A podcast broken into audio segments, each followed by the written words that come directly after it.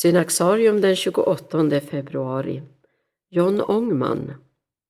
John Ångman, eller Johan Nilsson som han hette, föddes den 15 november 1845 i byn Gisselåsen i Jämtland med utsikt över Storsjön. Namnet Ångman tog han när han som 17-åring skrevs in vid Jämtlands fältjägarregemente. Han skulle snart visa sig ha en ovanlig ledarbegåvning och en stämma som hördes lång väg. Det berättas att när han vid ett tillfälle höll en predikan i Myssjö hörde en kvinna på andra sidan viken förkunnelsen och omvände sig. Som 18-åring döptes John Ångman i en vak i Storsjöns metertjocka is. Redan två år senare gav han sig ut på sin första predikoresa.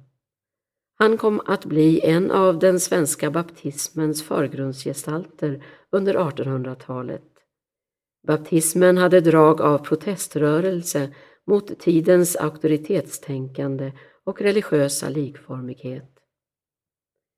År 1868, fyra år efter sin omvändelse, emigrerade Ångman till Amerika där han studerade teologi i Chicago och verkade som pastor under ett par årtionden.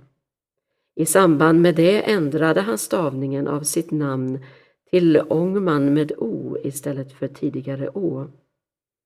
Här kom han i kontakt med flera välkända ledare inom den amerikanska väckelserörelsen såsom Dwight L. Moody och A.B. Simpson och han fick inspiration till den internationella missionsrörelse han senare skulle ta initiativ till.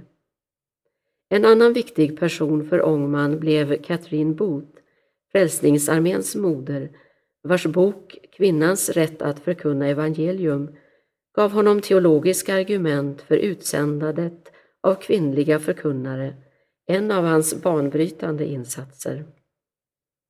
När Ångman 1890 återvände till Sverige var ett av hans första initiativ att starta en bibelskola i Örebro, öppen för både män och kvinnor som kände sig kallade att förkunna evangeliet.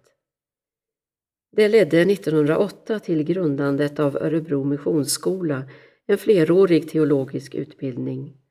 Ett initiativ som orsakade starka spänningar inom baptismen i Sverige, inte minst genom att skolan tog emot kvinnliga elever och även hade en kvinnlig lärare.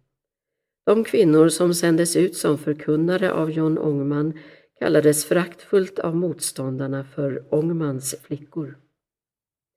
John Ångmans vision var att evangeliet måste förkunnas för alla folk.